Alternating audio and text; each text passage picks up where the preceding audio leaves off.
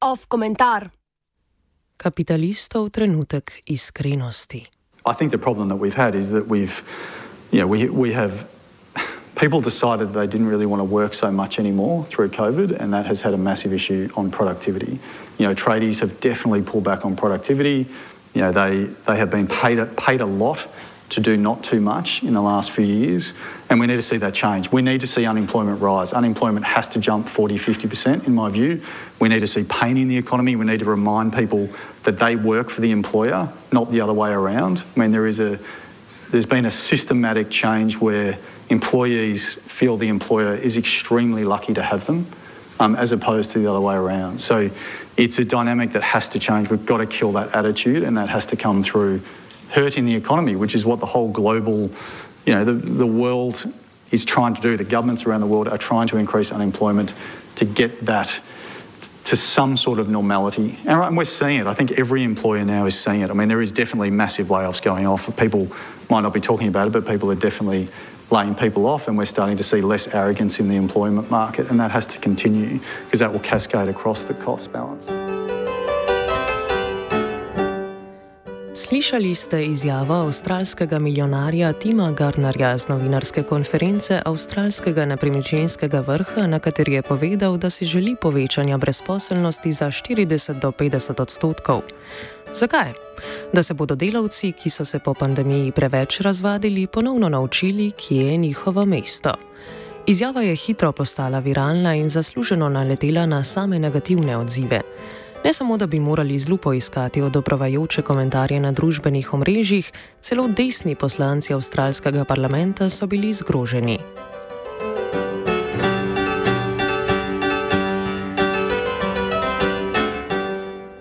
Napačno pa je to razumeti kot osebni škandal enega milijonarja. Kar je povedal Grner, ni samo njegovo mnenje. Kot je že sam izpostavil, o tem razmišljajo vlade. In da je Grner samo nespametno iskren glede tega, kar si misli večina iz njegovega razreda, potrjujejo tudi interne komunikacije bank in podjetij, ki so prišle v javnost. Lani, na primer, je ameriški The Intercept objavil dokument iz Bank of America, ki izraža upanje, da bo recesija nastala po dvigu obrestnih mer, zmanjšala število delovnih mest in povečala brezposelnost. Razlog za upanje na večjo brezposelnost je bil, da se bo tako pogajalska moč delavcev zmanjšala, z njo pa tudi pritisk po višanju plač. Tako bi omejili inflacijo. Nad tem, da bo recesija vrnila pogajalsko moč šefom, se je naslajala tudi kolumna Wall Street Journala. Desni politiki so bili nad izjavo Grnerja zgroženi samo zaradi načina izražanja, ne zaradi vsebine.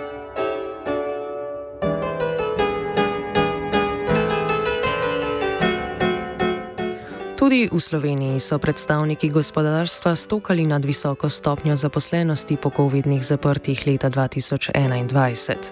Tibor Šimonka, predsednik gospodarske zbornice Slovenije, se je nad nizko brezposelnostjo pritoževal, čež da vodi do slabše motiviranosti zaposlenih za delo. Direktorica celske območne enote Zavoda za zaposlovanje Dubravka Milovanovič je takrat nizko brezposelnost označila za oviro za razvoj gospodarstva.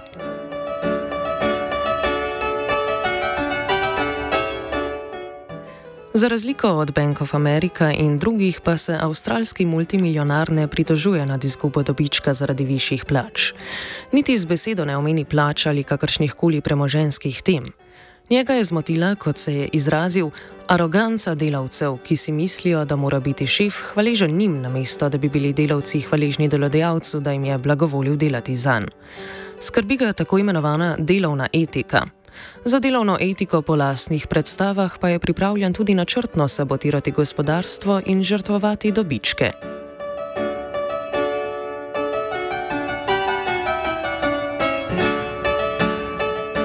Tudi to razmišljanje ni novo. Za primer navedimo znanega polskega ekonomista Mihala Kaleckega, profesorja na univerzah v Cambridgeu in Oxfordu in svetovalca vladam več državam, ki je že med drugo vojno svetovno seveda pisal o tem, da bi s keynesijansko politiko visokega državnega trošenja lahko vzdrževali permanentno gospodarsko rast, v kateri bi imeli hkrati polno zaposlenost in visoke dobičke podjetij. Nekaj, kar je po predstavah večine cvetoče gospodarstvo in je v grobem to, kar se je na Zahodu uresničilo v povojnem obdobju, preden sta na prizorišče stopile Margaret Thatcher in Ronald Reagan. Zlata doba kapitalizma, vrnitev v katero je dejansko deklarirana agenda levih politikov, kakršen je pri nas Luka Mesec.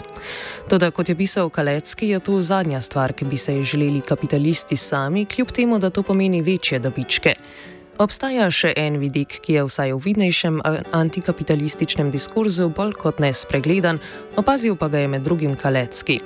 In skoraj stoletje kasneje je ta vidik s svojim primerom potrdil avstralski milijonar Garner. Ta vidik je zasebna oblast.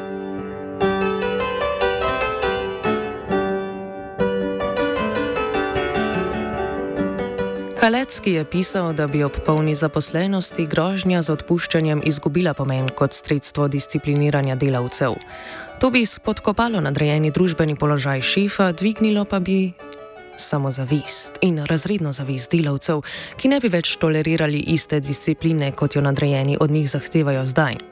To pa je večja skrb od dobičkov. Povezava med brezposelnostjo in pogajalsko močjo je sicer splošno znana, redko pa se o njej govori na ta način, torej izven okvira višine plač in v okviru oblasti, ki jo lahko šefi izvajajo nad delavci.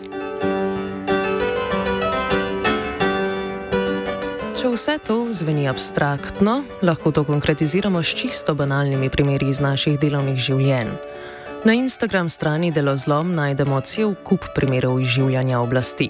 Naprimer, ko si je nek šef z danes na jutri zmislil, da bo poklical študentskega delavca na delo izven vnaprej dogovorjenega časa. Ko je dobil odgovor od študenta, da je takrat naročen pri zdravniku, je enostavno rekel: Puš predstavil. Služenje šefu ima prednost. Tu so potem še konstantna spolna nadlegovanja ali nadzor v obliki snemanja ekranov na službenih računalnikih.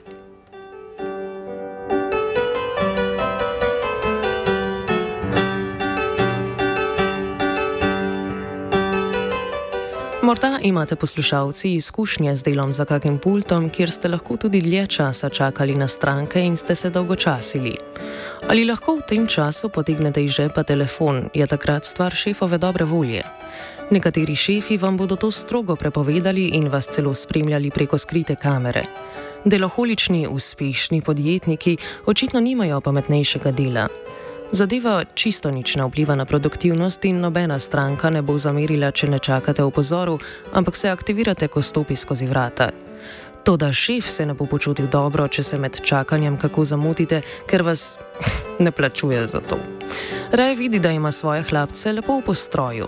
In tudi to je za šefa statusni simbol ne samo Mercedes. Na ta način pokaže, kdo je v hiši gospodar.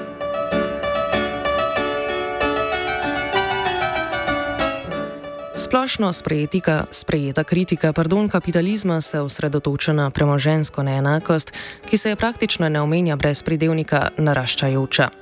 Kot da bi obstajala neka optimalna stopnja neenakosti, od katere se odmikamo. Tega niso krivi samo liberalci. Celo samozvani socialisti se morajo danes ukvarjati skoraj izključno z računanjem, koliko so plače premajhne glede na vselej rekordne dobičke. Na banalnejši, tudi veliko bolj temeljni vidik kapitalizma, ki v bolj mainstream levičarskem kritičnem diskurzu manjka, pa nas spomnijo kar sami kapitalisti v svojih trenutkih iskrenosti. Problem v prvi vrsti ni samo premoženska neenakost. En procent si ne prisvaja samo večine bogatstva in ne vpliva na oblast samo preko lobiranja, en procent je oblast in to na najbolj vsakdanjem nivoju. In en procent se raje odpove bogatstvu kot tej oblasti. Komentiral je Matej.